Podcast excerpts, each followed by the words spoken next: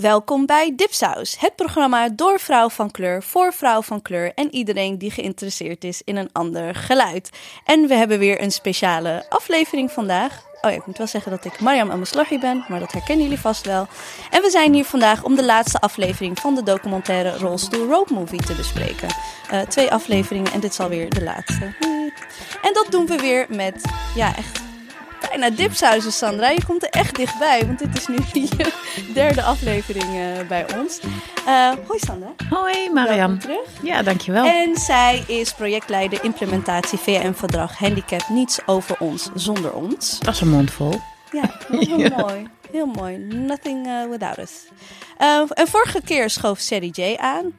En vandaag hebben we de man himself in de studio de filmmaker en de protagonist van, de, van, van zijn documentaire, Marie Sanders. Hallo. Ja. Welkom. Dankjewel. En, is een primeur van mij. Ja. Je bent de eerste witte man op de Dipsaus podcast. Ja, uh, ja. Uh, goh, nou, wat een eer. uh, ik word er rood van. Nee, ik, ehm, dat vind ik een enorme eer. Dat, oh. dat, dat ik dat mag zijn, ja. En, ja. en erbij, maar wel een witte man waar we van kunnen leren. Dat is wel heel, uh, heel belangrijk ja. voor ons. Bedoel je dat er genoeg witte mannen zijn waar je niet van kan leren? De meeste. De meeste. Not all white men. No, hashtag, ja, ja, ja. ik, hoor, oh, ik, ik, ik, ben echt de laatste die dat moet zeggen hoor, met mijn uh, dating repertoire. dus, uh... ik, ik ben gewoon aan het luisteren. Ja? ja maar je mag je wel dingen zeggen. Nee, ja, het is nee, niet zeker. de bedoeling dat je, ja. dat je meedoet. Ja, ja, ja, absoluut. Ja. Rolstoel Road Movie is een documentaire waarin Marie Sanders in een rolstoel door Europa reist. En um, ja, wij we hadden, ja, je hebt dus naar de vorige aflevering kunnen luisteren waar we het over hadden. Ja, ja. En um, maar ik vond het ontzettend mooi, ontzettend uniek. Weet je, het is niet iets wat ik eerder heb gezien. Um, leerzaam, maar ook voor mijzelf als een able-bodied persoon um, wel echt de verantwoordelijkheid en een soort van ook drang voelen van, oh, we moeten het echt veel beter gaan doen. Ja, dat vind ik een, echt een hele mooie reactie. Dat, uh, uh, ik moet zeggen dat het niet. Ik ben geen activist van nature, dus ik ben vooral verhalenverteller en filmmaker. Um, maar toen ik er eenmaal achter kwam dat ik door juist die mensen met een handicap centraal te zetten in een film iets kunt vertellen over de samenleving, dat was voor mij wel een hele belangrijke voorwaarde. Uh, toen had ik er vrede mee. Toen dacht ik, dan wordt het een ontzettend interessant onderwerp. Want ik, maar ik wil wel iets zeggen over de samenleving. En niet over, uh, goh, wat is je handicap en waarom ben je dan gehandicapt? En, uh, um, dat was een vraag waar ik absoluut niet in geïnteresseerd was. Dus dat jij dit zo oppakt en dat je zegt van, ik voel me ook aangesproken, dat, dat vind ik een enorm compliment. En um, wat was eigenlijk de, de, hoe ben je op het idee gekomen? Het idee heeft meerdere vaders uh, en moeders. maar ik denk de voorna het voornaamste was, ik heb een vriendin, zij komt uit Boekarest. En uh, nu woont ze officieel bij mij in Amsterdam. Uh, maar daar, en, en ze reist nu half in Boek. Ze is nu half in Roemenië, half in Nederland. Reist heel veel op en neer. Maar daarvoor hadden we drie jaar lang een afstandsrelatie. En dat was ook een hele. Poef. Nou, nee, dat was hartstikke leuk. Ja? Ja, want oh, okay. wat, wat, wat wij deden was, uh, uh, ik kwam dan of naar Boekarest, of zij, uh, of we zeiden van, goh, de tickets naar Italië is heel goedkoop, bij jou ook. En, en, toen, en als dat dan zo was, dan gingen we naar Italië of dan moeten we in Berlijn. We hadden de meest milieuvervuilende relatie die je maar kan bedenken.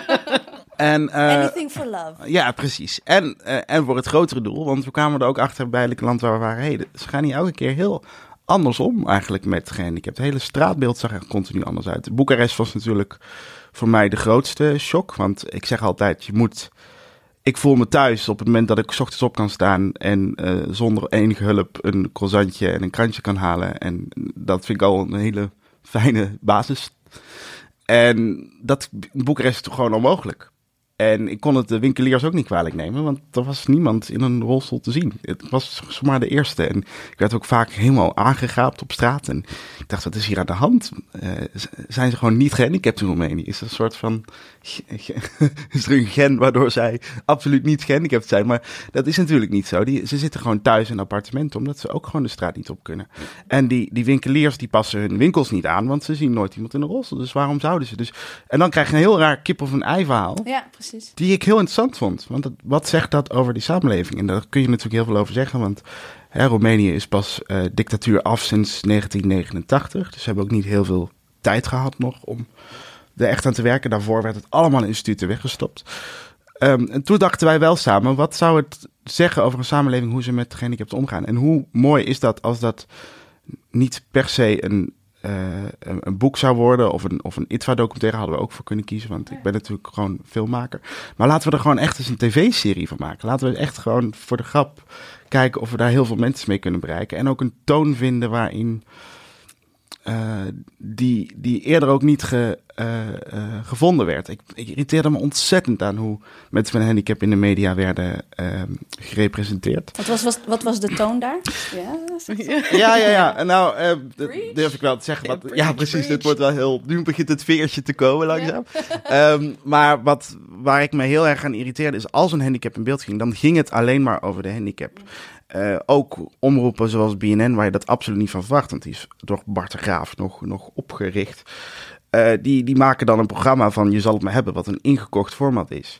Waarbij ze gewoon komen kijken van een hele leuke, hippe, jonge presentator komt even kijken hoe iemand met een handicap zijn leven leidt. En het is belangrijk om daar aandacht aan te besteden, maar de manier waarop, dat vond ik gewoon heel vervelend. Omdat het alleen maar over de handicap ging. En, eh, en het een, soort hele goedkope format, televisie is. Ik hoef het niet eens te hebben over de Undatables. Bijvoorbeeld, dat, die, die komt weer een nieuw seizoen aan. En ik, ik, ik, ik snap het niet. Ik snap niet dat dat 2000, à la 2019 nog gebeurt. En ik wilde gewoon heel graag... ehm, ik, ik heb een he- hekel aan ego-documentaires. Dus ik vind het pas verantwoord om je eigen verhaal te gebruiken... als je daarmee ook een groter verhaal vertelt. En dat is uiteindelijk het idee van de Rostel Road Movie geweest. En ook geluk dat dan vervolgens... eh, ik heb dan daarvoor een documentaire gemaakt over de Wajong. eh 80% ongeschikt.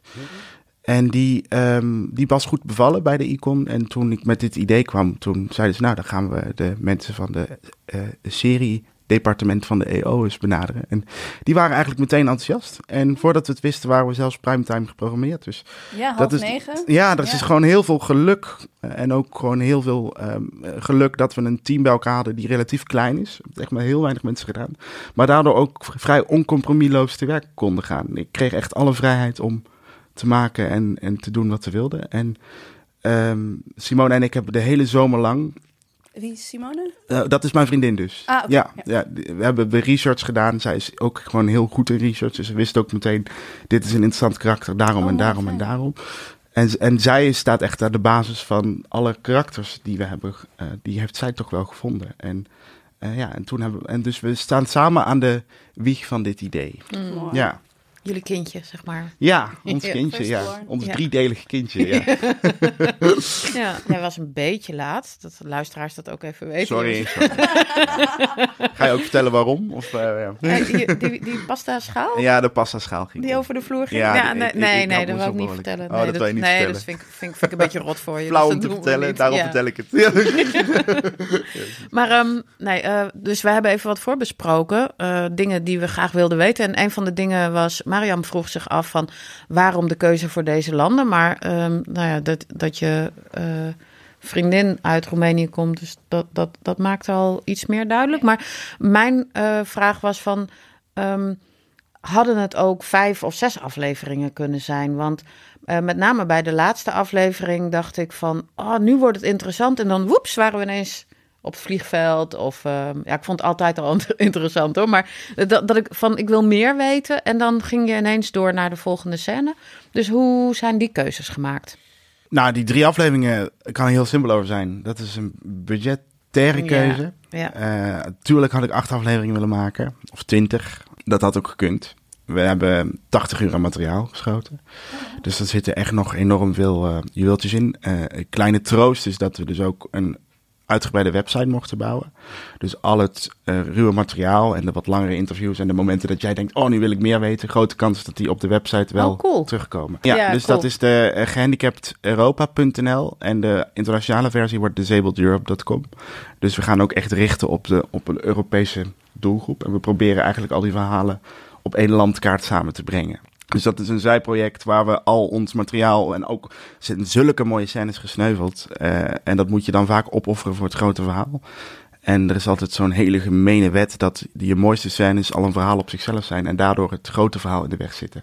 dus dat zijn Ah, vaak ja. de mooiste scènes. Maar die zijn straks allemaal online te vinden. Elke maand komen er nieuwe Oh, clips wat en- materiaal op. Oh, ja. wat leuk. Heel mooi. Dus het is nog helemaal niet voorbij. Want ik Nee, zeker niet. van shit, het is niet Nee. voorbij. Maar Nee. het is dus Ja, wij eigenlijk niet zaten voorbij. echt uit met lege handen thuis. Ja, ja. En wat is er in de, in de documentaires waarin je denkt van... Oh, dat had ik beter gekund? Och, zoveel. Ja, je zit elke keer te kijken. En eh, ik heb hetzelfde als Xander. Ik zit ook continu te kijken van... Oh, eh Kapka ben ik bijvoorbeeld helemaal dol op. Kapka Paniatova, dat is de voorzitter van eh European Network of Independent Living. Die heeft zulke belangrijke en wijze dingen gezegd. Eh, daar had ik makkelijk nog 10 minuten aan kunnen besteden. Ehm, meer, maar je moet keuze, je, mag, je moet binnen die 40 minuten blijven. En die 40 minuten is gewoon, dit this is all we had time for, weet je? Ja. En je wil ook wel vaart in die serie maken. Dus je hebt, het is niet zo dat het alleen maar een keuze is van tijdsdruk. Je wil ook wel dat eh, mensen die ook, ook geen handicap hebben, ook, ook blijven kijken. En dat het, dat, dat het interessant en dynamisch blijft. Maar ik heb continu het gevoel dat ik, dat ik mensen onrecht aandoe voor de prachtige dingen die ze ook hebben gezegd. Ja. Ja. Ja. Ik heb enorm veel geluk gehad met mijn editor. Die verdient echt alle credits die hij mag hebben. Sowieso hoe hard hij eraan gewerkt heeft, maar ook hoe goed hij is. Daan Weideveld. Eh, Yay, onthoud de Daan. naam. Shout-out. Shout-out, Shout-out Daan. voor Daan. Eh, die, eh, die, die zei aan het begin van de serie... Mari, eh, ik, eh, hij, hij kan... Hij, able-bodied, dus hij kan, hij kan gewoon lopen. Hij is verder geen handicap. Hij zegt, ik ga je alleen maar begrijpen als ik jou leer kennen... en als ik jouw persoonlijke lijn kan volgen. Dus eh, de wet was meteen al... elke gesprek waar jij niks van leert... of waar je als mens niet van groeit... of waar jij tot nieuwe inzichten komt... die gaan we er al uithalen. Ik wil dat, je, dat jij als persoon de rode draad wordt achter dit. En dat, en dat je, alles wat jij meemaakt, dat we dat door jouw ogen zien. Dus, en die persoonlijke lijn, daar had ik niet heel erg op ingestoken. Omdat ik van nature heel erg ben van... ik wil die anderen op het Ja, platform jij zit tillen. achter de schermen, toch? Ja, ik zit natuurlijk als regisseur zit je achter de camera en, en, eh, eh, en ben je vooral nieuwsgierig hoe die ander erover denkt. Maar die balans van wanneer is het te persoonlijk en wanneer heb je die persoonlijke lijn nodig om het juist over Ja. dat grote verhaal te hebben, die balans is, dat is gewoon een eeuwige draadloopspel waar je af en toe denkt van, oh dat, dat had ik nu wat anders aangepakt dan in de serie. Want hadden jullie niet af en toe, jij en Daan, af en toe discussies over dat jij dacht van nee, dit, dit is heel erg belangrijk en dat misschien een able-bodied pe- persoon niet zou zien? Voortdurend. Ja, maar ook andersom. Ehm, door de tijdsdruk konden we niet die 80 uur materiaal met z'n twee kijken. Ik bedoel, in ideale omstandigheid ga je gewoon al het materiaal met je editor kijken. Dus ik moest al een selectie maken van twee uur. En die gaf ik dan aan hem. En hij probeerde er dan 40 minuten van te maken. Eh, en dan zat hij zo door te graven. En dan af en toe per ongeluk kwam die nog in de grote map waar alles stond. Dan zei hij, ja, maar dit heb je helemaal niet geselecteerd. Hier ga je... Ik zeg, ja, maar hier ga ik toch gewoon een stoepje af. Nee, nee, nee, nee, nee, nee. We moeten jou zien dat je in een, van een afgaat. dit, dit, dit, dit wil ik zien. Ik wil zien hoe je. Kijk eens hoe je dit doet. Ik zeg, ja, maar dat is toch heel normaal? Nee, het is helemaal niet normaal. Dit ken ik helemaal niet. Dus, dus het was kont, zeg maar, de serie is heel erg gebouwd op dat dialoog. En ook dat ik dingen heel belangrijk vond van uitspraken. En dan zeg je, ja, maar ik snap helemaal niet waar, waar zij het over heeft. Ik begrijp het helemaal niet. Eh, eh, het woord inclusie hebben we bijvoorbeeld ook enorme discussie over gehad. Eh, Het komt vrij weinig voor in de, in de serie. Terwijl ik ben bij wijze van spreken met dat woord opgegroeid. Eh, alleen ja, het, het, het spreekt niet tot de verbeelding als zeg maar eh, ehm, eh, de, de, de Harry en Kim die gewoon langs NPO 2 zeppen. Dus dat, dat zijn continu Maar op is dat dat dan dialoog. juist niet belangrijk om daar, om dat toch dan een beetje dat educatieve of tot je te nemen van inclusie, dat is dit en dit is een woord dat je moet leren, want het is belangrijk voor mij en voor een gemeenschap. Ja, maar dan, dan wordt het wel een hele droge film. En je wil in eerste instantie, eh, je moet het wel stap voor stap doen, denk ik. En het is ook niet mijn, per se mijn taak om mensen te onderwijzen. Het is wel mijn taak, denk ik, om mensen vragen te laten stellen. Ehm, en dan ben ik ook zelfs niet, ben ik zelf dat ik zeg, ook het antwoord vind ik niet zo belangrijk. Ik vind de vraag veel belangrijker. Ik ben veel iemand die zich veel comfortabeler voelt bij het stellen van vragen dan het geven van antwoorden. En de serie moet ook universeel zijn. We hebben ook bewust voor drie universele thema's gekozen die voor iedereen spelen. Opvoeding speelt voor iedereen een rol. Acceptatie. Iedereen acceptatie. Onafhankelijkheid speelt ook een rol voor iedereen.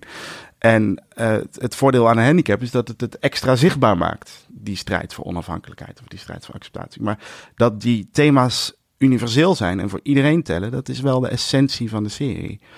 Als dat als, als bij wijze van spreken een, een aflevering had gemaakt die puur inclusie heet, ja, dat geldt ook voor iedereen, maar dat is dan al zo toegericht op de mensen die dat al kennen, dat je gewoon heel veel mensen daarmee verliest. En het gaat over het, het verhaal, het gaat niet over de. Uh, en als mensen erin geïnteresseerd gaan, dan gaan ze automatisch wel wat meer zoeken. Of dan, dan, Even googelen. Ja, daar ga ik dan toch maar vanuit. Ja. Want nog een vraag die wij hadden over landen, over de keuze van, uh, van, van landen. Dat um, nou, dan, dan in Nederland, wat ik heel veel heb geleerd van Sandra, is nou, het is helemaal. Eigenlijk hebben we het nog niet zo goed geregeld in Nederland voor mensen met een beperking. En nu gaan we naar allemaal andere landen in het buitenland en dan gaan we daar kijken hoe goed of slecht ze het hebben geregeld. Ja, wat ik daar vooral bij dacht, um, uh, is uh, je hebt uh, dus mensen zonder beperking die kijken naar de, naar de serie. Um, die hebben het idee, zoals de meeste mensen om ons heen het idee hebben, dat we het in Nederland supergoed doen. Mm-hmm. En ik kreeg het gevoel van als je dan deze serie ziet, dan zou je wel eens bevestigd kunnen worden in de gedachte dat van, oh, het is zo fijn dat we in Nederland wonen, want hier doen we het gewoon heel erg goed. En qua inclusie en qua um, uh, toegankelijkheid hebben we het goed voor elkaar. Hmm. Hoe, hoe, kijk jij daarnaar?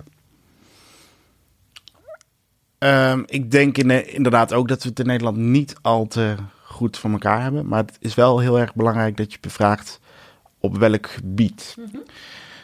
Um, en ik heb hier heel veel over nagedacht. Want uiteraard speelt het ook van. Hè, je, je, ik heb ook echt wel mijn mening over Nederland. Die is ook juist feller geworden sinds ik die Europese reis heb gemaakt. Maar ik heb bewust bedacht. Voordat ik nou met het vingertje ga wijzen wat ik allemaal niet vind deugen. Uh, wil ik eerst even veldonderzoek doen. Hoe doen de buren het? En nogmaals, dan is het aan mij om dat te laten zien. En vervolgens uh, ook wel weer teruggekoppeld aan anderen. Van wat gaan we er dan mee doen? Ik, uh, ik, ik denk dat het belangrijk is om uh, de vraag te stellen. mensen zelf na te laten denken door wat er aan Nederland aan de hand is. En inderdaad, het risico is dan dat mensen, als ze dingen uit Griekenland en Roemenië zien, van oh, ze hebben het allemaal prima voor elkaar. Maar als, tegelijkertijd, als je het vergelijkt met de aandacht in Engeland in de media voor handicap, uh, dat we ook laten zien. Of uh, wat, hoe Barcelona eruit ziet. Uh, in alle, en Zweden vond ik ook Zweden, een mooi voorbeeld. Dat is dan even goed een enorme inspiratie voor, voor dat het zoveel beter kan. En we, wat we wilden voorkomen is dat we als een soort toegankelijkheidspolitie gingen kijken. Nou, dit klopt wel en dit klopt niet. Uh, foei, foei, foei. Uh, dingen zijn veel grijzer dan dat. Je kunt het niet zo zwart-wit maken. En het is ook zonde om, uh, om het zo zwart-wit te maken. Want daarmee, daarmee snap je het verhaal daarachter nog niet. En dat, dat ik een mening heb over Nederland. Ja, juist door deze reis is die wel een stuk gegronder geworden. Ja, hoe, vertel wat meer. Je zegt, ik ben, het is feller en gegronder. Ja, nou ja. Een voorbeeld geven? Het voornaamste, ik denk, Xander herkent dat wel. En op die, die, die, die wist dat al veel eerder dan ik, denk ik. Maar het feit dat je in Nederland vanuit onze geschiedenis en vanuit het feit dat het een heel lang een verzeild land is geweest, uh, nog steeds heel erg vanuit de medische context naar handicap wordt gekeken. Dus wat is het probleem? De rolstoel is het probleem, dat moeten we fixen. Als we dat niet kunnen fixen, dan moeten we goed voor ze, zor ze zorgen. Uh, en dat zie je aan van alles. Dat zie je aan het feit dat uh, uh, onze minister is nog van volksgezondheid. Ja, maar ik, ik, ben keurig gezond. Ik heb alleen een handicap. dus dat is al raar. het idee van kom, we gaan er een dorp voor bouwen. met de allereerste grote televisieactie in Nederland was voor het dorp. Um, dus er is al heel snel ingezet op een soort segregatie. Goed bedoeld. Maar dat werkt van geen meter. En al die landen die verder zijn op dit gebied, of waarvan je kunt zeggen, nou, dat vind ik daar prettiger, die zijn al veel verder in het idee dat het medische, dat de sociale context. Dus uh, het probleem is niet dat Mario in rolstoel zit. Het probleem is dat hij de kroeg niet in kan. En we moeten dat in de kroeg, uh, we moeten zorgen dat hij de kroeg in kan door gewoon een, een, een plankje neer te leggen. Uh, en dat vraagt ook meteen een verantwoordelijkheid voor de hele samenleving. En niet alleen voor uh, de gehandicapten die gefixt moet worden. En dat valt gewoon heel erg op. En uh, ik denk ook wel dat Eh, Maar ik denk dat Nederland sowieso. Ik, ik denk dat iedereen oprecht ook. Ik waarschijnlijk ook allergisch zou zijn. als ik, als ik onmiddellijk bij serie 1. Eh, in Nederland even allemaal ging aanwijzen wat er allemaal niet klopt. Dan ga ik niet kijken. Dat is, dat is jouw werk ook niet, dat is mijn werk. Ja, precies. Eigenlijk, ja, ik, nee, maar ik- echt. ik ja. zet hem voor, ik maak een mooi stripboek. En vervolgens is het aan anderen om daar, eh, om daar iets, eh iets mee Nee, te nou, ik vind het wel heel interessant. Volgens mij hebben we het in de vorige aflevering daar ook wel over gehad. Eh, wat jij zegt, hè, van we hebben heel goed eh, eh, geprobeerd te zorgen voor mensen met een beperking in, in een gesegregeerde maatschappij. En als je dan kijkt naar bijvoorbeeld Italië, waar ze het, het, het geld of de middelen daar niet voor hadden of niet voor over hadden, zie je dat ze daar dat inclusieve onderwijs wel voor elkaar hebben. Wat we in Nederland ja, echt volgens mij met geen mogelijkheid voor elkaar gaan krijgen. Ik hoop nog wel, eh, stel dat een zoon of dochter die ik zou krijgen, en ik heb zou hebben, dan hoop ik wel dat, dat, dat die geen Michielscholen meer heeft. Of in ieder geval mijn kleinkinderen. Nou ja, precies. Ehm, ja, ja, Dus, dus, maar, maar dat klopt. Het, is, het, het heeft zo'n, in de jaren zestig zijn daar heel belangrijk in geweest. Toen hebben we landen gewoon een bepaalde afslag genomen. ja. Eh, en dat is dan anders uitgepakt. En in, in, het heeft ook met heel veel. Het heeft ook met politiek te maken. Het feit dat de christelijke partijen het hier heel lang voor het zeggen hadden, dat zegt heel veel over ons land. En dat heeft het land op een bepaalde manier gevormd. Want de oplossing was vanuit oudsher al instituut. Is er een probleem? Dan richten we daar een instituut voor op. Italië had ook, los van dat ze geen geld hadden, ook een enorme tweestrijd tussen de katholieken aan de ene kant, de communisten aan de andere kant. En de communisten waren allergisch voor instituten. Dus er was meteen een soort hele Overal grote oppositie. Alles wat, oh, wat interessant. Oh, interessant. Dus ja. dat, dat, dat, eh, dat, speelt, dat soort dingen spelen ook een rol. Ja. Het feit dat in Zweden zo armoedig was dat iedereen naar Amerika vertrok, betekende dat Zweden moest bedenken hoe houden we onze mensen hier. En dat is de reden waarom ze zo'n enorme eh, sociaal pakket hebben. aan-. Ja, ja. Kijk, en dit soort dingen had ik heel graag ook in de serie Ja. willen hebben. Maar ja, dan Ja. ga je zo de diepte in dat. Nee, maar dan- daarvoor zitten we nu hier. Ja, dus dat precies. is tof. Vertel Ja. het ons, leg het ons uit. Maar vanuit het sociaal-democratie denk ik ook, zou je ook kunnen zeggen van hè, die solidariteitsgedachte, ehm, eh, eh, zou je ook heel snel in dat medisch of misschien zelfs in het, in het liefdadigheidsmodel kunnen vervallen. Ja. Waardoor je ehm, eh, toch weer op die instituten uitkomt. Maar zij hebben dus blijkbaar toen al doorgehad dat dat niet de weg was. Ja, en er is eh, in de jaren tachtig eh, die persoonlijke assistentiewet is er in de jaren tachtig ehm, eh, heen gekomen. We hebben in de eerste aflevering hebben we gezien dat een gezin werd geholpen door een persoonlijke assistent. En dat is in de jaren tachtig door een liberale minister overigens eh, doorgevoerd. Wel weer door een sociaal-democratische minister bedacht, maar door een liberale uitgevoerd. Die heeft daar heel hard voor gevochten. Maar ehm, de minister van Sociale Zaken had toen meer te zeggen dan de minister van Financiën. Dus de minister van Financiën moest de minister van Sociale Zaken gewoon volgen in het beleid. Nou ja, dat, dat kun je je amper nog voorstellen. Maar eh, ehm, zo is dat tot stand gekomen. Wat ik wel van de serie heb geleerd, ik geloofde namelijk altijd heel erg in golven in de geschiedenis. Van je moet tijd mee hebben en individuen spelen daar een hele kleine rol in. Maar daar ben ik toch wel langzaam van teruggekomen. Want het gaat ook wel echt over moedige mensen op de juiste plek. Precies. Eh, eh, in de juiste tijd wel. Die de juiste beleid doorpushen. Die ook echt durven pushen. Dus het gaat echt ook over moedige mensen in de politiek. Barcelona hetzelfde. Als er geen hele moedige burgemeester was die zei... oké, de Paralympics komt eraan, we gaan de hele stad eh, op de schop nemen... Dan, dan was daar ook niks gebeurd. Het is toch vaak één, twee, drie dappere individuen... Die, die echt zeggen, dit moeten we doorheen pushen. En die volgens mij ook geïnspireerd worden of, of op dat spoor gezet worden door activisten, eh, denk ik. Ja, of in ieder geval door een, een soort aha-erlevenis, aha-moment van... ehm, wacht even, we moeten het eens vanuit de mensenrechten bekijken. En dan wordt het in één keer heel raar wat we doen. Of laten we het eens vanuit een emancipair standpunt bekijken. Eh, in plaats van op een medische manier. En dan is het in één keer heel gek dat we speciale scholen hebben. Ja, dan krijg Dus je het- een heel ander gesprek, hè? je krijgt een heel ander gesprek. Ja, absoluut. Ja. Dat denk ik wel. Ik snap niet dat we in Nederland.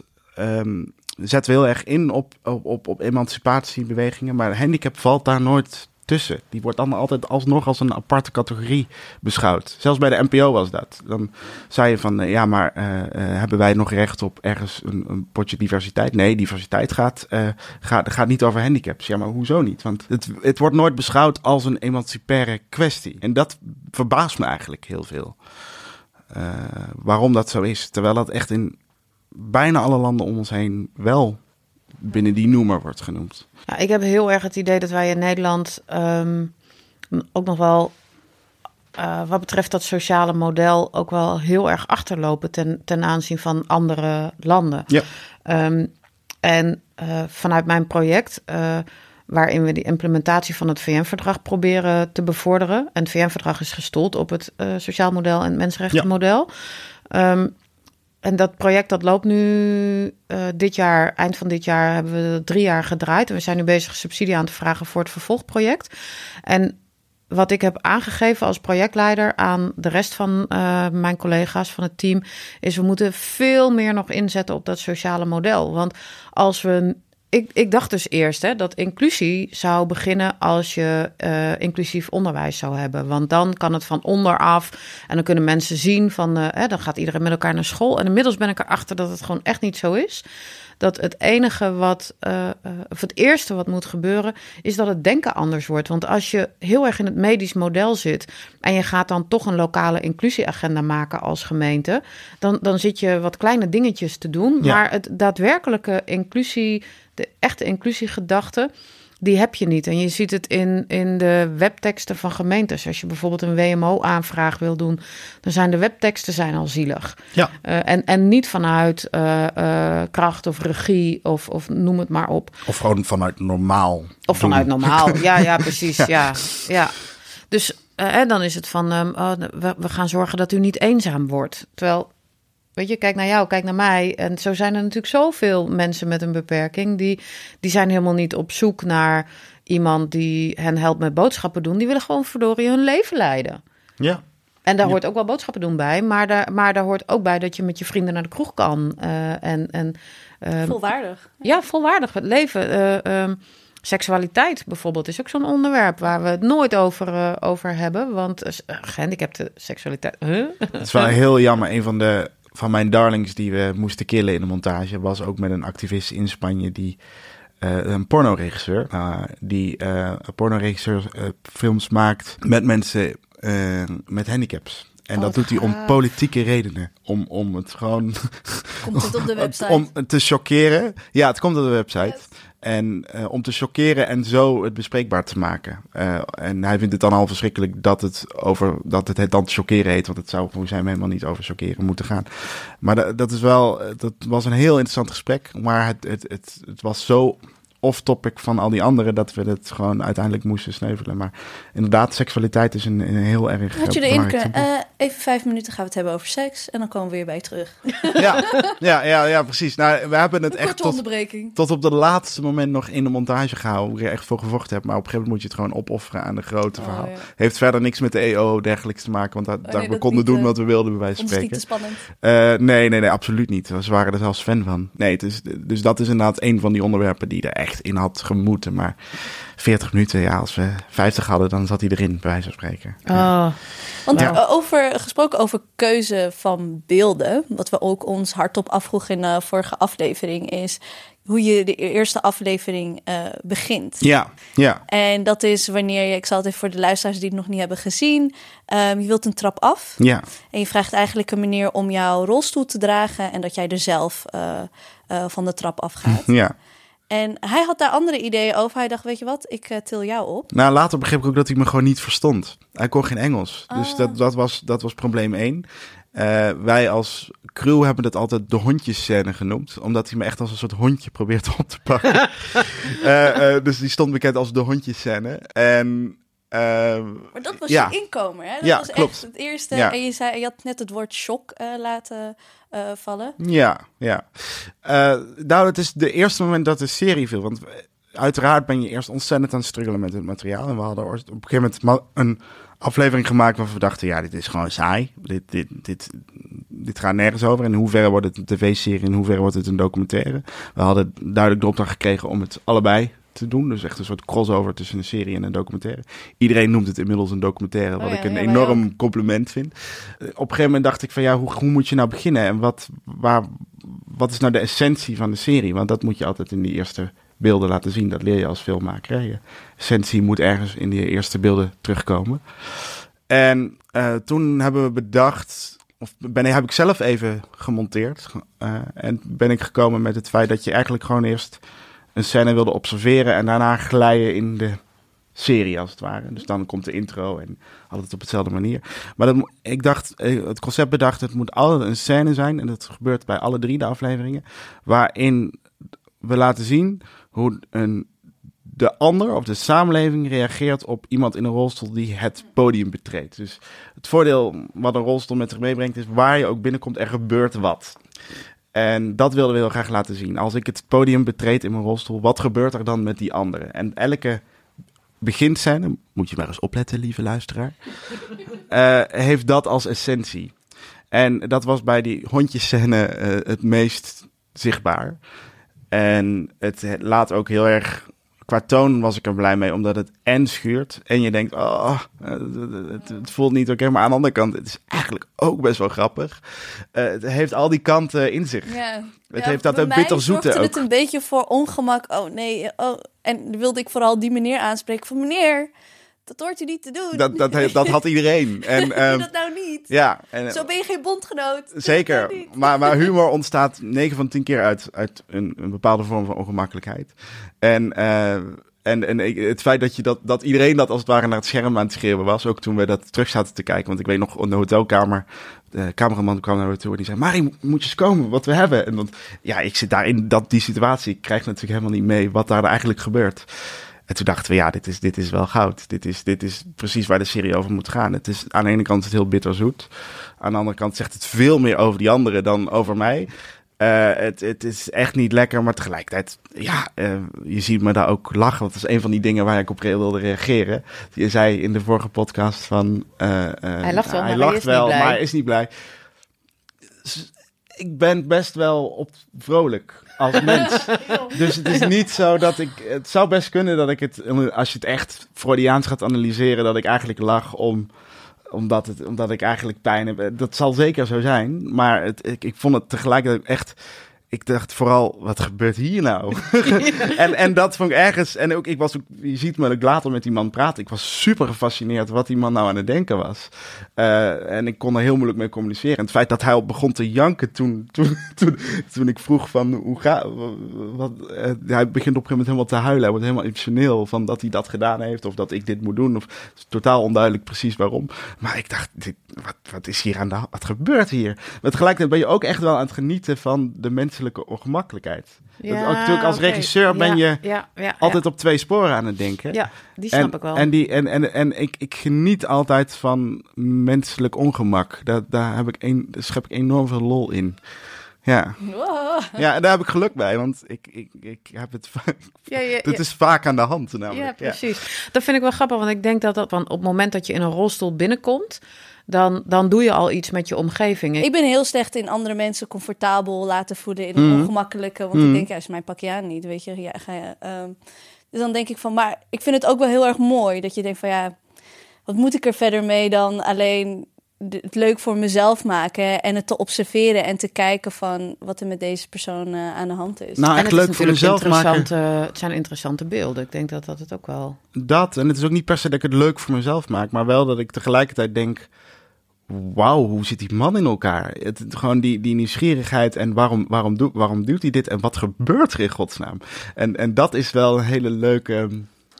ehm, op het moment dat je daardoor gefascineerd bent, dan, dan, dan, dan, dan wordt het ook, als een soort natuurdocumentaire, wordt het ook gewoon heel boeiend. Ja. En, en op het moment dat je het ook eh, weet dat die ongemakkelijkheid er is en dat het bij mensen speelt en je, en, en je wil, dan, dan, dan, ga, dan wil je wil je heel graag naar de kern toe. En van dat, die nieuwsgierigheid geniet ik wel. Of die, die, eh, Want Sherry J, die, eh, als zij, ik weet nog dat zij af- aflevering zei van, nou, dat had zij echt niet. eh Nee, zij was boos geworden. Zij zou echt boos zijn geworden, ja. Ja. Ja, en ik ben wat dat betreft, ik had ook die keuze om boos te worden. Want ik, ik, het is natuurlijk niet leuk als iemand aan je begint te sjorren en al helemaal.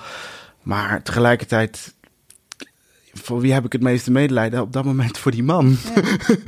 En ik dacht ook, want Ja. ik ben dan wel vaak in Italia, Italië geweest en een beetje dat ik herkende het Mediterraanse een beetje van altijd willen helpen. En, Ja. en ik moest heel erg denken, en ik had het toen met mijn broer erover, dat zou mijn vader ook gedaan hebben. Weet je, die vindt dan heel, die weet dan niet wat hij moet doen met zijn eigen ongemak of wat dan ook. En dan gaat hij maar Gaat hij het oplossen? gaat hij het oplossen. Ja, Weet je wel? En dan is het en dan in, in ik zou kan me ook wel voorstellen in Marokko als hij dat had gezien, al waar de normale stoep al bijna een halve meter is, ook een hele ontoegankelijke land. Ik denk dat vanuit mijn vader en is ook een hele gevoelige, zachte man. Weet je, en hij heeft het ook wel eens bij mij gedaan, waarin ik eigenlijk gewoon een probleem zelf had moeten oplossen om te leren, eh, om ook te vallen en opstaan, weet je wel. Dan denk ik van, oeh, hij had het ook gedaan, maar hoe? Dan zou ik ook denken van, oh, het is een zielige man en die wil het helpen, weet je. Dus het was Mijn ook... vader had het ook gedaan, Ja, denk ik. hè? Ja, maar, ja, en, ja. en ik snap dat ook. Ik begrijp het ook tegelijkertijd. Want je, ik, ja, ik ken ook heel veel mensen die dat hadden gedaan of die dat nog steeds doen, bij wijze van spreken. En het is ook niet aan mij om dat te veroordelen, anders dan dat ik natuurlijk kan zeggen, wacht even, ik vind het niet fijn, laat Ja. het mezelf doen. En je probeert dat uit te leggen waar je kan, maar dat kan niet altijd. En dan is het ook aan mij om, om die ander daarin te begrijpen. En te kijken vooral, hoe gaan we met deze situatie om? Want wij zitten nu allebei in deze situatie. Hoe gaan we, hoe gaan we Ja. dit nou doen? Nou, mijn vader had je in zijn auto gestopt, door heel Europa Ja. gereisd. Waar moet je naartoe? Ja. Ik breng je. was een hele interessante film geworden, nu al. Eh, nee, eh, ja, zeker. En, en, maar het kan, eh, de grap is wel, en dat is dan volgens wel het vervolg ervan. Ik weet heel goed hoe ik uit de trein moet, bijvoorbeeld. Dus ik, eh, ofwel, ik, ik spring met de rolstoel tok tok de trein uit. Of je gaat even de, de, de, de rolstoel uit. Je vraagt iemand even om de rolstoel op het perron te zetten en ik klim uit de trein.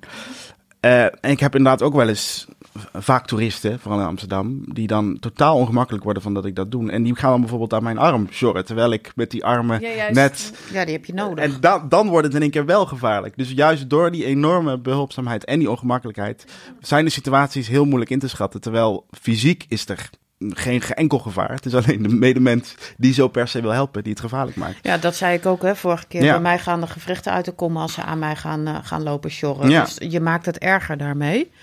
En, en, en die, ehm, ik kan me voorstellen dat als je dat keer op keer, of dat herken ik nou vanzelf, als je dat keer op keer op keer op keer gebeurt, dan op een gegeven moment dan, dan word ik wel pissig. Ja, zeker. Ehm, ja. eh, om, en, en, en maar nog niet eens per se op die ene persoon, want die weet niet dat mij dat keer op keer is gebeurd. Maar gewoon op de situatie en op. ehm, ehm, het heeft ook te maken met hoe we kijken naar mensen met een beperking. Dat Ja. mensen zo, eh, zo doen. En dan word ik daar pissig op dat, we, dat dat niet snel genoeg verandert, denk ik. Ja, dat en, en, en je bent natuurlijk ook fysiek ontzettend klein, heel kwetsbaar in een, in Ja. een meute ook. Ja. Eh, die Rialtobrug was ook echt geen pretje om die af te kruipen en op te kruipen. Eh, ehm, je weet, en dat op een gegeven moment vroeg mijn cameraman, die kent mij ondertussen heel goed, die zei van waarom liet je je eigenlijk helpen? Toen heb ik hem uitgelegd, als er zeven, acht mensen voortdurend vragen en, en eh, Mm. continu proberen om jou te helpen. Op een gegeven moment kun je niet anders. Dan moet je gewoon even go with the flow en, en, en, en ze je laten helpen. Omdat er anders gewoon een te chaotische situatie ontstaat die, die, die ook uiteindelijk gewoon veel gevaarlijker is. Dus als, als je twintig mensen continu op aan je hebben van je helpen, op je helpen, op een gegeven moment is je weerstand Ja, op. absoluut. Ehm, En eigenlijk ga je dan over je eigen grenzen heen. ja. Ja, op dat moment wel, maar op een gegeven moment, je, gek genoeg, net als dat je traint met gevechtsport bij wijze van spreken, je traint ook met daarin weer te herstellen. En, en, en hier te beseffen, hier ga ik over mijn grens heen en doe ik dat bewust, ja of nee? En daar dan een keuze in te maken. Ja, precies. Dat is het misschien wel. Dat, ik, ik ga nog vaak over mijn grenzen heen en dan is het niet bewust. En dan heb ik daar achteraf last van. Ja, Maar als je er bewust voor kiest, van hier kies ik ervoor om, om dit te doen wat ik eigenlijk normaal gesproken niet zou doen, ja, dan, dan heb je toch nog die eigen regie. Volgens mij zit het hem daarin. ja. Het feit dat je daar bewust voor kiest, dat is jouw regie. Ja, dat is mijn regie. Ja, ja.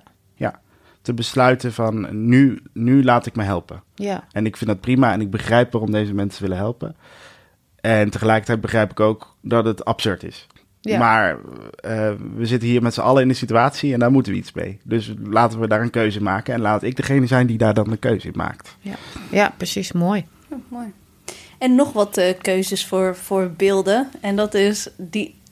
Of dan ga ik, misschien spring ik dan te ver. Maar ik was heel erg nieuwsgierig naar die comedian. Het zit nog steeds. Ja, ja, ja, ja, dat hoorde ik ook. nog steeds- Ja, ja, ja, ja. Het zit diep. ja. Het zit heel diep. Ja, ja. De comedian. Ik snap ook wat je, ik snap ook wat je zegt. Ja, ja die, De die- comedian. dat is een fout van mij, hè, volgens jullie. Nee, nee, nee, geen fout van jou. Nee, nee, nee, Nee, nee. we Nee, vroegen ons af van. nee, het is ook goed dat je dat laat zien natuurlijk.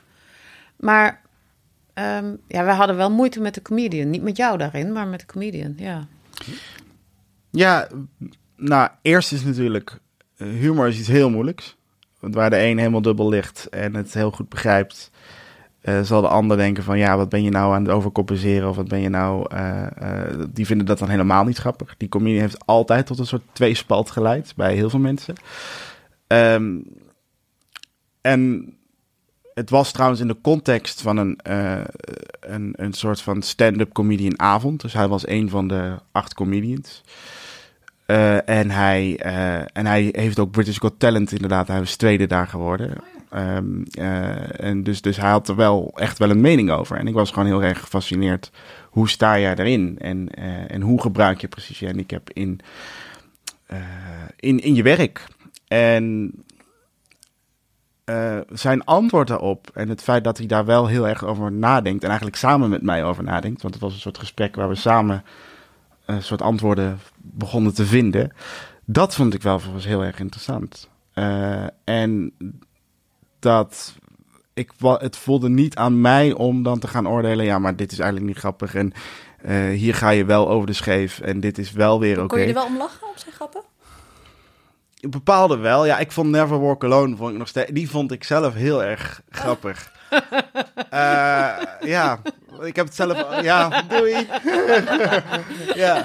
ja, nee, ja, echt. Om, het is ook. We hebben dat ook eens voor de grap. Elke keer als we een aflevering af hadden, dan gingen we het ook opzetten tijdens de edits, weet je wel.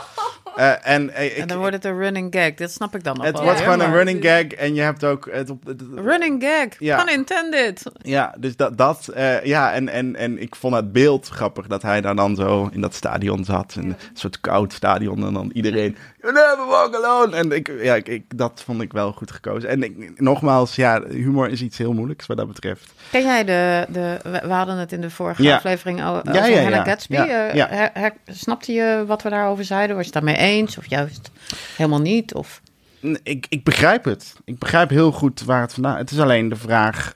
eh, eh, in hoeverre zou zo iemand als Jack Carroll dan eh, zijn grappen daarop aan moeten passen? Als dit zijn manier is om dat te doen... en als, dit zijn, als hij daar zichzelf goed bij voelt en daar succes bij voelt... dan is het niet aan ons om te oordelen of...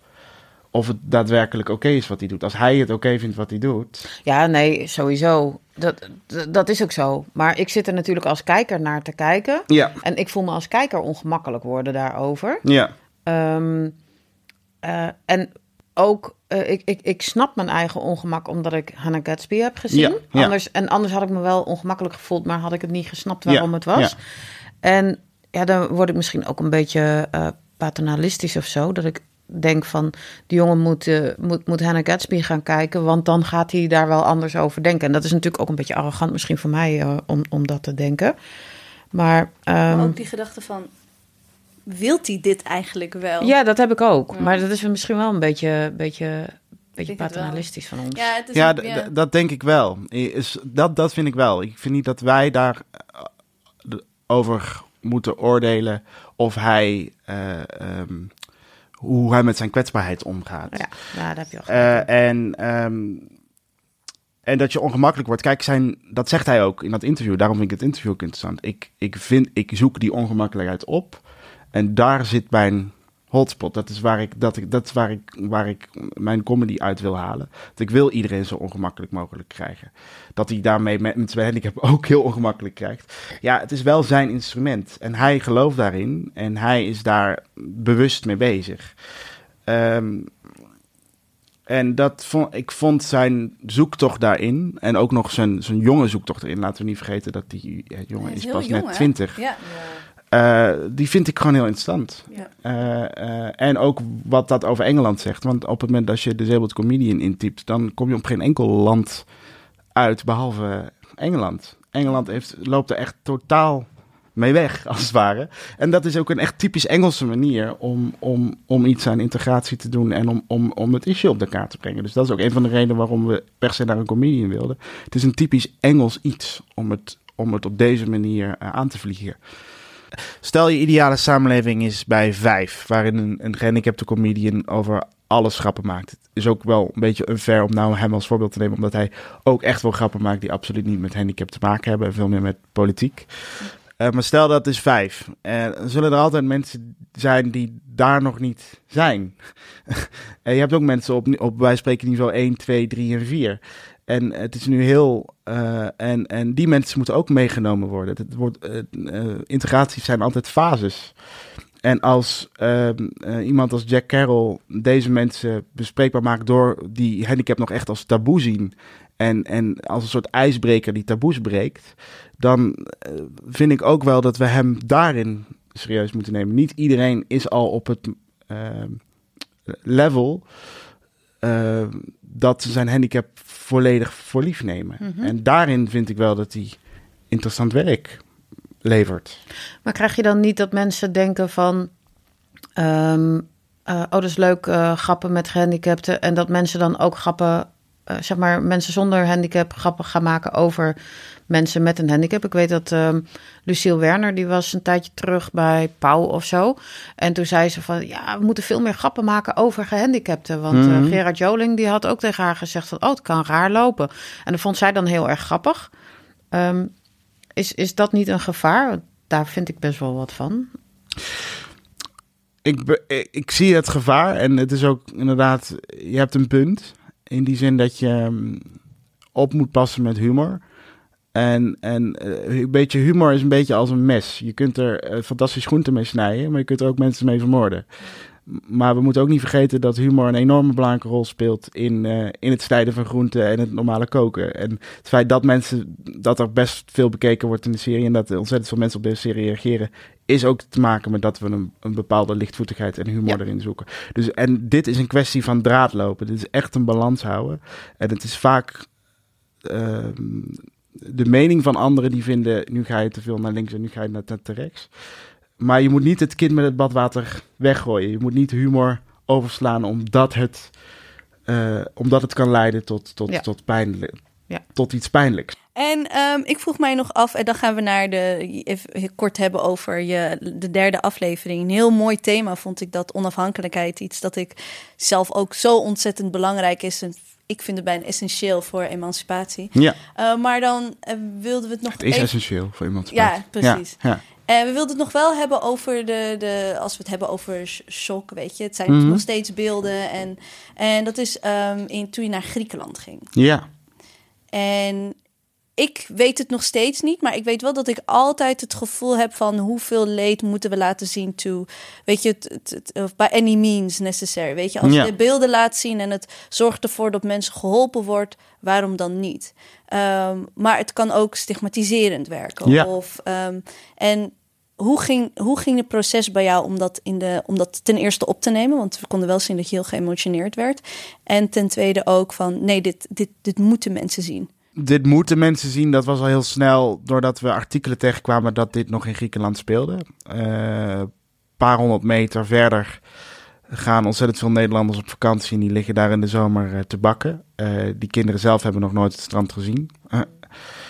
en dat dit nog steeds plaatsvindt, vonden we heel belangrijk. Vonden we wel heel erg belangrijk om dat goed te doen. En er zijn natuurlijk ook beroemde BBC-documentaires. Dan komt toch een beetje de um, um, de witte empathische vrouw kijken hoe verschrikkelijk het in instituten is. En we wilden dat niet. We wilden het verhaal dan wel vertellen via de activisten die dat hebben um, ontdekt. Ja. Dat is voor ons wel. En ook de, gewoon de boel hebben bezet. De boel hebben bezet. Dat is uiteindelijk wilden we met hun mee. En met hun gaan we dit instituut in. Dat is voor mij wel een heel belangrijk nuanceverschil. Ja. Ja. Want ik, en ook, je ziet mijn ongemak ook als ik met dat bestuur praat. Want je wil ook niet dat ik even als witte uh, Nederlandse man kon vertellen hoe verschrikkelijk ze daar bezig zijn. Dan, mijn voornaamste opdracht is te begrijpen waarom dingen gebeuren zoals ze gebeuren. Ondanks dat je, nou, ik, het was echt, was woedend daar. Um, maar ik hoor hun verhaal ook aan te horen en, te, en gek genoeg ook te begrijpen hoe ingewikkeld en moeilijk dat ook is. Plus ik had nog de verantwoordelijkheid om naar binnen te gaan. Want dat, ik moest eerst dat gesprek met hun doen en daarna eh, zou ik binnen eh, gelaten worden of niet? Dus, dus de, de belangenconflict in dat gesprek was enorm. Want ik, ik kon ze ook niet alle kanten van de kamer laten zien. Want dan, dan kon ik niet meer naar binnen. En dat was mijn voornaamste journalistieke taak daar. Dan ben ik in één keer wel weer wat meer journalist.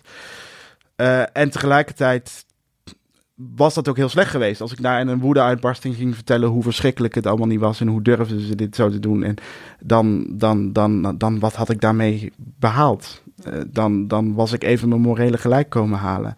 Um, en ze waren ook niet verantwoordelijk voor die ontstaande situatie, want ze hadden het pas overgenomen nadat het allemaal naar buiten kwam. Dus, zijn, je kunt ze ook niet weer hoofdverantwoordelijk maken voor uh, wat daar is gebeurd.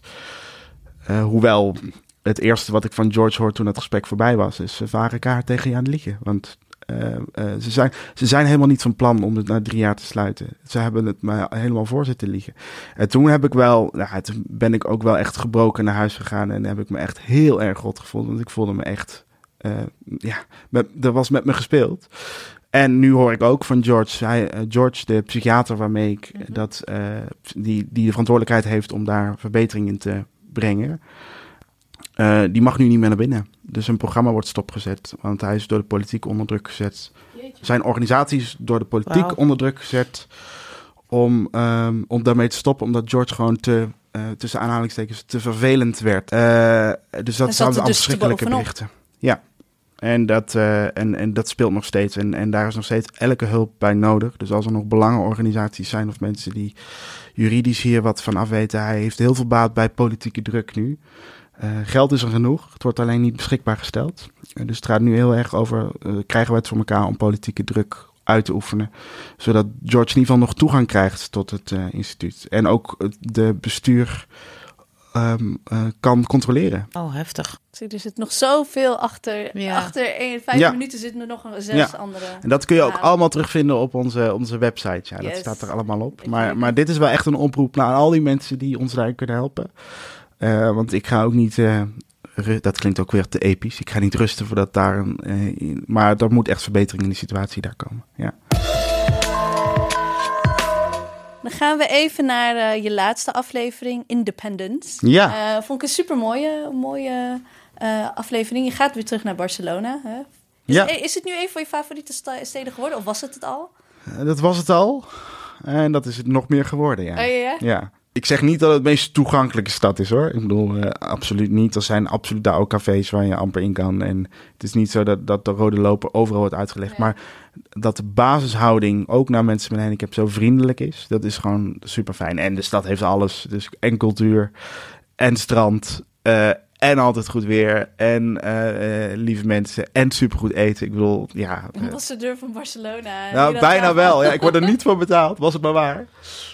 Maar nee, het, het, de, Barcelona heeft wel mijn, mijn hart gestolen, ja. ja. En nu ga je terug om werk. Ja. Dus jij gebruikt werk um, een beetje in deels in de, in, de, in de aflevering als a means to... Um, Een van de instrumenten om ja, onafhankelijk te worden. Ja, ja, te worden. Ja. En je geeft daar een korte introductie dat in Nederland zeven van de tien mensen met een beperking die zitten thuis. Heftig, hè? Ik vond het heel heftig. Ja. 70 procent. Ja, klopt. Ja. En heb je in ik, ik heb dan 600 en, Wacht even, want dat zijn alleen nog maar de mensen met een um, uh, arbeidsbeperking. Dus dat zijn mensen die, um, uh, die het stempeltje arbeidsbeperkt hebben. Er Ja. zitten nog veel meer mensen thuis Ja, uh, die een beperking hebben, die dat stempeltje niet hebben. Hè, er Ja. zitten ook mensen in de bijstand die uh, niet zijn afgekeurd, omdat uh, uh, het UWV werkt op uh, uh, ondergrondelijke wijze. Uh, uh, wijze. ja, precies.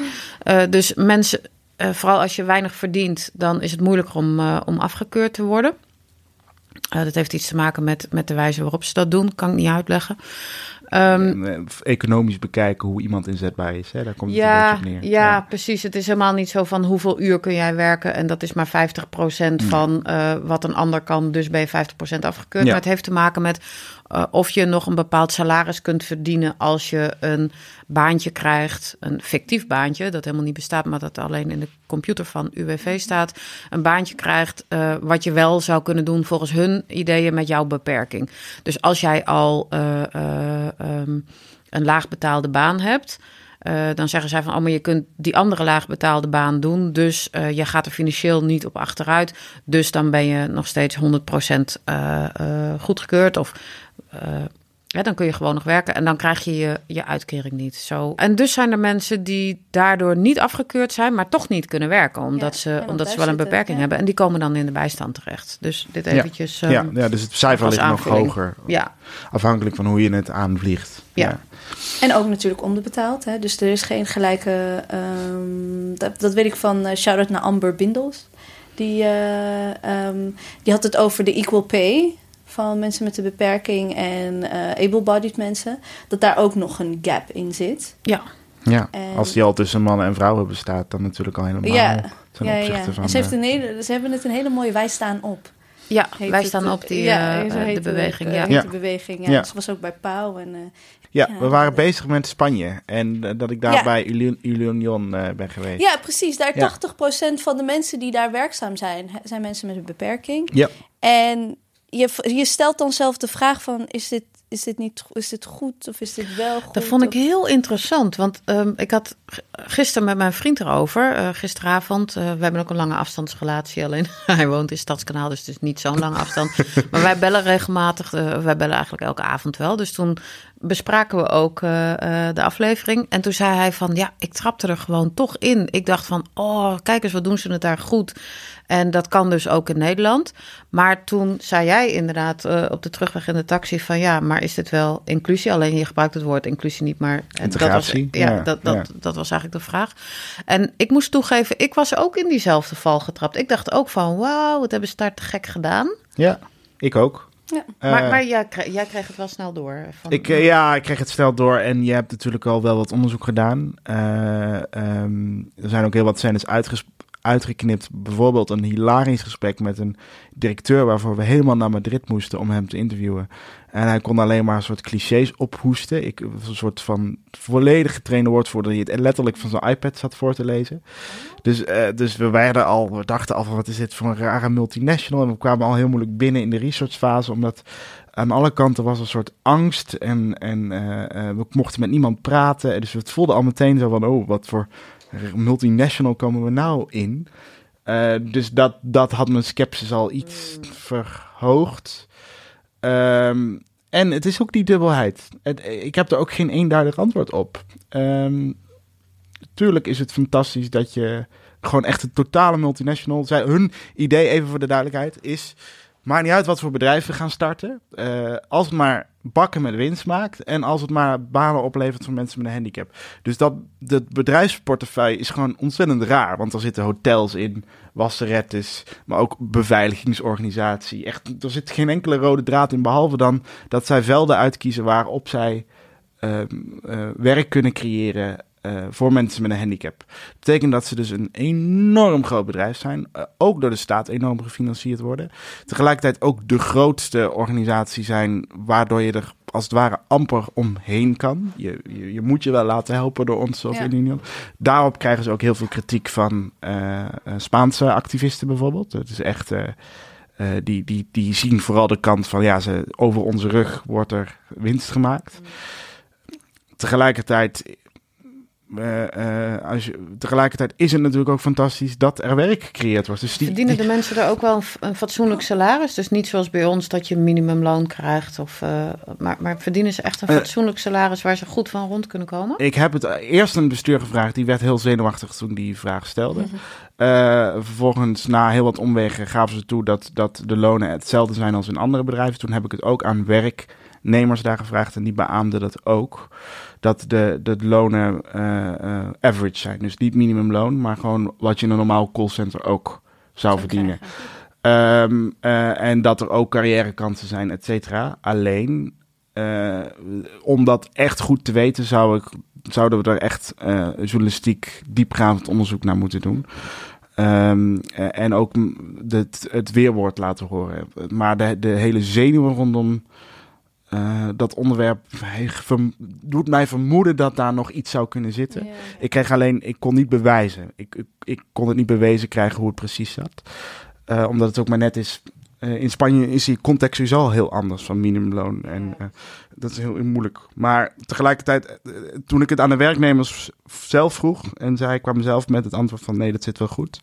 Toen, eh, toen geloofde ik het wel. Maar als ik dan weer Spaanse activisten moet geloven, dan, dan is Dus daar weer een de ander story, verhaal op. Dus dat, dat, to be continued, ja. En die 20% able-bodied eh, people die er werken. ehm, wat mij opviel, je zag allemaal mensen zonder beperking. Maar toen je met de baas sprak, dat was een meneer in pak die eh eh, Ja. ogenschijnlijk geen beperking had. Ja, maar dat is niet representatief. De, de woordvoerder die ik sprak, die, die had ook eh, ehm, ehm, een, een zichthandicap. Mhm. Hij zegt zelf ook dat de board zelf ook gerund wordt door mensen met een handicap. Dus dat ook door de managementlagen Nou, dat is- loopt het ook. Hoe, qua cijfers en et cetera. Mhm. Zo diep ben ik niet, heb ik niet kunnen gaan. Ehm, maar dat zit wel aardig. Ja, Oké, dus er zitten ook best wel goede aspecten eh, aan. Maar er Zeker. is ook zeker kritiek. Dat Ja. is eigenlijk de conclusie. ja, het is geen, wederom geen zwart-wit verhaal. Nee, nee. nee, nee.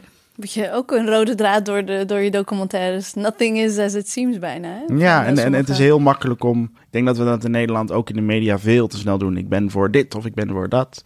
Terwijl het verhaal daarachter is. Heeft, dat- heeft dat aan meerdere kanten. En ik denk dat we dat nog wel met z'n allen wat meer mogen doen. door dat hele verhaal te luisteren. En iets wat slechte aspecten heeft. Hetzelfde als met die comedian. Wil niet per se zeggen dat dat ook meteen slecht is. Dat heeft ook meteen ook wel goede kanten. En het is best wel een kunst om dat allebei te blijven zien.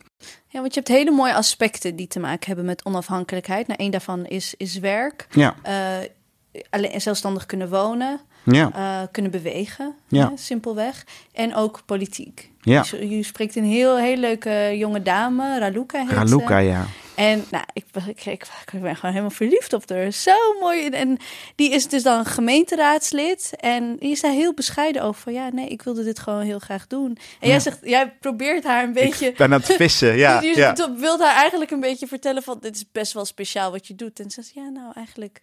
Ik ben wie ik ben. Ik ja. ben wie ik ben Ja, en, en ik, ik doe dit eh, zo echt ontzettend mooi eh, dat je haar hebt kunnen, kunnen vinden. En je gaat ook, je introduceert ons aan twee nieuwe landen, dat zijn Bulgarije en, eh, en Roemenië. Ja. Ehm, is daar ook een speciale keuze voor? Dat je dacht van deze laat ik als laatst? Of juist door die thema's? Of... Het heeft heel veel met die thema's te maken. Ehm, eh, Roemenië, omdat we heel graag met Raluca wilden spreken en ook eh Boekarest wilden portretteren. Dat hebben we gedaan door Abilitaxi centraal te nemen. Die taxiservice die gratis voor zorgt om mensen van A naar B te krijgen. Ja, helemaal gratis. Maar, is gratis? joh? Ja, ja, gratis. Het is wel dat de gemeente. De gemeente betaalt het. Dus de gemeente Boekarest betaalt het. En, maar zij willen absoluut geen geld hebben voor, van de mensen zelf. Dus dat, dat, is heel, dat is heel bijzonder. Maar het blijft wel charity. Het is wel Ja. een oplossing die niet structureel is, zeg maar. ja, en Eh, gesegregeerd. En gesegregeerd. Ja, Ja. Dat, wat ze ook toegeven. Ja, ja. Maar ja, is dat dan een reden om het niet te doen? Ja, precies. Want anders blijven die mensen gewoon binnen zitten. Precies, dus dat is ook dat enorme dilemma. Ook dat. Maar dat vond, als je kijkt naar, ehm, ik ben haar naam even kwijt, maar in eh, die, die, die ehm, eh, activisten, die zei van, dat is eigenlijk, ja, dat is, Ja. dat is eigenlijk nog erger, erger, zei zij. Hè? Dat zei ze over in over het dorp. Het, over het dorp, in Arnhem, dit is, ja. Dit is in feite hetzelfde, maar dan op het gebied van vervoer. Ja, ja. Nou, ja en nee. Ehm, je kunt zeggen dat de rolstoelbusje iets gesegregeerd is, hè, want het is voor, voor mensen met een handicap. Het gaat echt wel alleen maar over van A naar B krijgen. Ook juist mensen in de samenleving zetten. Ja, Wel met aangepast vervoer, maar het liet mij gewoon heel erg zien op wat, in wat voor fase Roemenië nog Ja. verkeert. En je kunt dan wel heel graag gaan zeggen van zo hoort het niet. Want ik stel die vraag ook aan die directeur. Hè. Ik zeg van ja, sorry, maar de meest ideale situatie bestaat je niet. Want dan kun je gewoon zeggen van eh, eh, het, het transport openbaar vervoer moet gewoon aangepast worden. Zoals iedereen met, de- gewoon met een normale tram kan. Waarop hij heel terecht zegt, ja, maar ik, we zijn hier verre van de ideale wereld. ja. En dat is ook een dilemma. Wat, wat, wat, wat moet je dan? ja precies. Want als je, als je het niet zou doen, eh, dan komen die mensen gewoon het huis niet uit. En nu je het wel doet, nu is de, de druk om het eh, reguliere openbaar vervoer aan te passen, eh, valt daarmee ook weg. Dus het is eigenlijk een duivels dilemma. Het is een duivels dilemma, want je kunt wel zeggen: nee, we wachten tot de bussen en de trams aangepast zijn. Maar als je dat in Roemenië zegt, nou ja, succes. Over vier Ja. generaties is het misschien zover. Precies. En al die Dus- generaties kunnen dan. Exact, wat doe je dan in de tussentijd? Ja. Dus, dus dit is een, inderdaad het duivels dilemma. Probeerde ik tussen de regels door daarin wel Dus door te eigenlijk laten zeg je, het is voor nu een goede oplossing en hier eh, hebben de meeste mensen wel baat mee, maar het moet uiteindelijk wel leiden tot eh, toegankelijkheid van Dat, het OV. dat zou de ideale de situatie zijn. Dat zou de ideale situatie zijn, maar wat doe je in een land wat nog echt verre van ideaal is? Ja, het- Hebben zij het VN-verdrag eh geratificeerd? ja zeker. dat? Ja. En dat ze is dus, dat, wat. dat zegt Raluca op een gegeven moment ook. Ik vraag van, is het bij wet zo dat Ja. deze winkels hier aangepast zijn? Zegt ze, ja, bij wet wel. Ja. Maar op het moment dat die wet niet gecontroleerd wordt, wat een hele belangrijke en waarschuwing ook voor ons is. Mhm. Zolang je die wet niet streng controleert en zolang daar geen eh, druk op blijft, dan krijg je een situatie als in Roemenië en in Bulgarije. Bulgarije is het meest toegankelijke land op papier van heel Europa. Op papier, volgens de wet, moet alles perfect aangepast zijn. Helemaal bevochten door activisten. Fantastisch gedaan, alles op papier. Maar in de praktijk 0,2 wat echt eh, aangepast is. Bizar. Zelfs de gemeentehuis kun je daar niet in. Eh, dus dat, dat, is, dat, is, dat is ook een belangrijke waarschuwing. Want Je kunt het op papier helemaal... Acti activisten kunnen helemaal gelijk krijgen... En dan vervolgens gebeurt er helemaal niks mee. Ja. En dat zie je ook in, in bijvoorbeeld de UK, waar eh, je gewoon een bon krijgt als jouw zaak niet, ehm, niet toegankelijk is. Dus je Ja. ziet dat dat veel. Dat is ook iets wat ik in, ergens in Nederland ook wel graag zou willen, maar dat gaat nooit gebeuren, denk ik. Ja, eh, straffen, om het maar zo te noemen. Nou, niet zozeer eh, straffen, maar gewoon wel, wel het afdwingen. Het echt afdwingen dat je, ehm, eh, dat je toegankelijk bent. Ook omdat je heel, veel, heel veel ondernemers weten het ook niet eens. We hebben het in Nederland hebben we het wel in de wet verankerd. Maar er, sta- er staat geen enkele eh, sanctie op. En dus zie je dat het moet eh, gebeuren als mensen eh, goodwill hebben, hè? Als, ze het, als ze het willen doen. En gelukkig gebeurt dat wel iets meer nu. Maar in andere landen waar wel die sanctie erop staat, zie je dat, dat we gewoon veel verder zijn. Zweden met, ook. toegankelijk- Ja, Ja. Zweden ook, Oostenrijk. Ja. Er wordt daar gewoon geen bouwplan ge- goedgekeurd op het moment dat dat niet toegankelijk is. Ja, dat zou je moeten hebben. En dan hoef je nog niet eens te straffen. Want dan, dan hè, als je. als Komt je- het er gewoon Nee, het komt Nee, er gewoon precies, niet. het komt er gewoon niet. Dus, eh, dus ik denk wel dat het er moet komen in Nederland. Ik denk ook dat we daar wel haast mee moeten maken. Maar zolang we het natuurlijk het mooie en het, het, het jammer aan Nederland is dat het een compromisland is. Ja. Mooi dat we Ja, allemaal Dat polderen. fantastisch Ja, kunnen. polderen, ik bedoel, ja. niemand gaat dood van de honger. Het is allemaal fantastisch gedaan, bij wijze van spreken. En eh, je moet altijd met elkaar eruit komen. Op zich zorgt het al voor 400 jaar eh, vrede, bij wijze van spreken. Gewoon binnen het land. Alleen eh, daardoor. Maar marginaal. Maar, maar, maar en inderdaad, en, en daardoor zijn we geen land die zegt: Oké, vanaf nu, sociale revolutie, gaan we er eens helemaal anders naar kijken. Zo'n type land zijn we niet. Ja. En voor, om, om, om dit soort discussies verder te brengen, heb je eigenlijk wel een soort revolutionaire sociale revolutie nodig. Ja, je hebt echt ook wel activisten daarin nodig die, die op gaan staan, denk ik, die, die het gaan afdwingen. Eh eh, zoals in, in Amerika, die, dat ze de, eh, het kapitool, eh, de trap van het kapitool... Opkruipen, eh, ja. En de bussen hebben de stopgezet, ja, Ja, ja. precies. Dat zoiets zou je in, in Nederland ook willen eigenlijk. Tenminste, ik zou dat willen. Ehm, om, ja, om de regering zover te krijgen. Ja, Nee, ik hou ja. van revoluties. Hè? Ja, ik ook. En, Als er trouwens, geen, eh, al, niet terug- al te bloedig is, vind ik het eh, prima. Maar Weer Ja. terug naar, naar eh, de laatste aflevering. Wat ik heel erg tof vond, en trouwens, het was niet alleen in de laatste aflevering, is dat jij die activisten wel heel erg een stem hebt gegeven. En eh, eh, de laatste aflevering alleen vrouwelijke eh, activisten. ja, klopt. Ehm, dat vond ik, vond ik echt heel tof. Ik vond ik dus echt heel tof dat je, dat je eh, activisten heel duidelijk een stem gaf. Want aan de ene kant zeg je van het is niet mijn taak om. eh, het, is, het is vooral mijn taak om, om dingen te laten zien. Mhm. Eh, maar je, je hebt daar wel duidelijke keuzes in gemaakt. Ja, zeker. Ja, en ook wel We zijn naar Bulgarije omdat we Kapka wilden spreken. We zijn naar Duitsland gegaan omdat we Eugene wilden zien. Eugene Mustafa, die Ja, in een rubberbootje van Syrië naar, eh, eh, naar Duitsland is getrokken een paar jaar geleden. Eh, dat die vlucht eigenlijk heeft gezorgd voor meer onafhankelijkheid. Ze zei ze van in Aleppo ja. kwam ik mijn appartement bijna niet uit. En toen van een appartement in Aleppo eigenlijk de halve, half Europa doorreizen. En dan eigenlijk ergens terechtkomen waar ze wel... eh, ja, dus die, die, die, die reis is heel dubbel. Aan de ene kant, de, de reden om te vluchten is afschuwelijk. Tegelijkertijd is het voor haar ook... eh, ik wil niet weten wat voor deuren er allemaal open gaan. En als, als je kijkt naar hoe ze reflecteert op haar positie, op haar leeftijd. ja, maar dat is zijn Ze heel jong nog, Ze toch? is eh, eh, 19. Ik was, ik was echt onder de indruk van haar. Ja. Ik heb haar boeken ook eh, meteen eh, gedownload op Het mijn luisterappje. Ja, Ja. maar ze had nog een boek geschreven, volgens Nee, mij. er is voor mij één boek van haar uit. Die is op, op twee manieren uitgebracht. Ah, onder twee is- titels. Oh, ja, dat ik is geloof dat het dat was. Ja. Oké, want jij hebt het boek gelezen. Ja. Is het eh ja uiteraard. aanrader? Ja, absolute aanrader. Ja, ik heb het in één ruk uitgelezen. En ehm, het laat, nogmaals, het doet eigenlijk wat de documentaire ook probeert. Het laat een, een, een probleem zien wat ons allemaal aangaat. Namelijk in dit geval de, de vluchtelingenstroom en de crisis.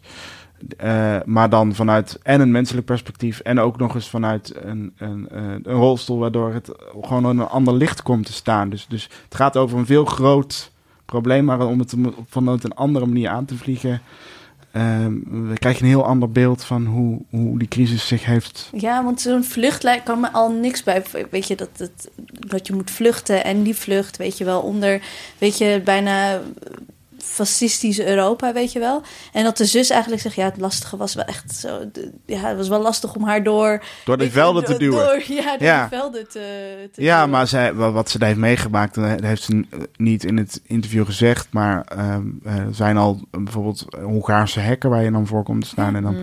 moet je daar beslissen om via een ander land te gaan reizen. En daar word je geïnterneerd. En wat zij heeft meegemaakt en haar, de manier hoe ze dan vervolgens daar A op kan reflecteren op een bijna filosofisch niveau. en B ook de enorme menselijke veerkracht laat zien van iemand die Ja. dat, die situatie weet om te draaien. Ehm, ja, het is niet voor niks dat ik haar de laatste gast van de, van, Ja, van de want je had serie het boek wilde in de laten zijn. vliegtuig en dacht ik, "Ah, nee, gaat hij, gaat hij naar haar toe? Gaat hij naar haar toe? Ja. En toen, ik Had jij al van haar gehoord? Jij kende haar al? Ja, ja, ja, Ja, ja. ja. Nou, in het vliegtuig heeft, he- heeft Marie dan het boek. Ja, eh, ja. En ik denk, oh, leuk. Hij is dat boek aan het lezen. Gaat hij naar haar toe? En ik was heel erg blij dat je... Ja, ja, we gingen naar haar toe. Ja, Om, eh, en, eh, en te gek dat ze ons ook te woord wilde staan. En, en, en dat is ook weer zoiets. Daar, het is nu vijf minuten in de serie, denk ik. Zeven minuten misschien. En dat interview is veel langer. Veel ik heb langer, haar ja. drie uur lang gesproken over Mm. alles. Maar eh, ja, dit is waar, waar we tijd voor hebben dan. Ja, Mooi, Ja. mooi. Dankjewel Marie dat je vandaag hier in de studio bij ons je eigen documentaire, wil- documentaire serie wilde. dankjewel Eh, dat ik de eerste witte man mocht zijn. En ook dankjewel voor de documentaire. Ja, Ik- echt heel blij echt mee. enorm. En ik denk een perspectief en een geluid dat nog echt wel nodig is in, eh, in Nederland. En wat zijn nog verder je, je toekomstplannen? Eerst nog even bijkomen van de bevalling. Eh, op vakantie, eh, lijkt me Ah, een heel waar goed naartoe? idee. Ja, eh, eh, Canada. Ah. Het is de allereerste keer, je gelooft het niet, de allereerste keer dat ik een paspoort nodig heb. Dus ik, die moest ik nog aanvragen. Oh ja. Ja. Ja. Canada heb je een paspoort nodig Ja. gehad. Ja. En eh, ehm, dus Canada twee weken, ik weet niet meer wat vakantie is. Dus ik moet even dat concept weer opnieuw uitvinden. Dat je niet denkt, oh, dit is een mooi shot. Ja, Oh, precies. dit is Ja, een, dat- eh, dat- als we de camera hier zetten. Ja, zowel mijn vriendin als ik. En ik, mijn vriendin is dus ook regisseuse van, eh, van ze heeft ook eh filmacademie gestudeerd.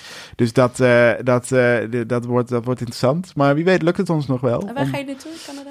We weten nog niet. We, we, we landen in Toronto en we vliegen weer van Toronto. En daartussenin eh, hebben we, we hebben de eerste twee nachten geboekt. Zodat we daar ieder geval vooruit kunnen. En daarna gaan we het vooral maar zien. We willen heel Cool. graag nog naar Montreal. Dus even kijken hoe dat loopt. Maar geen idee verder. Ja, dus dat, dat eerst.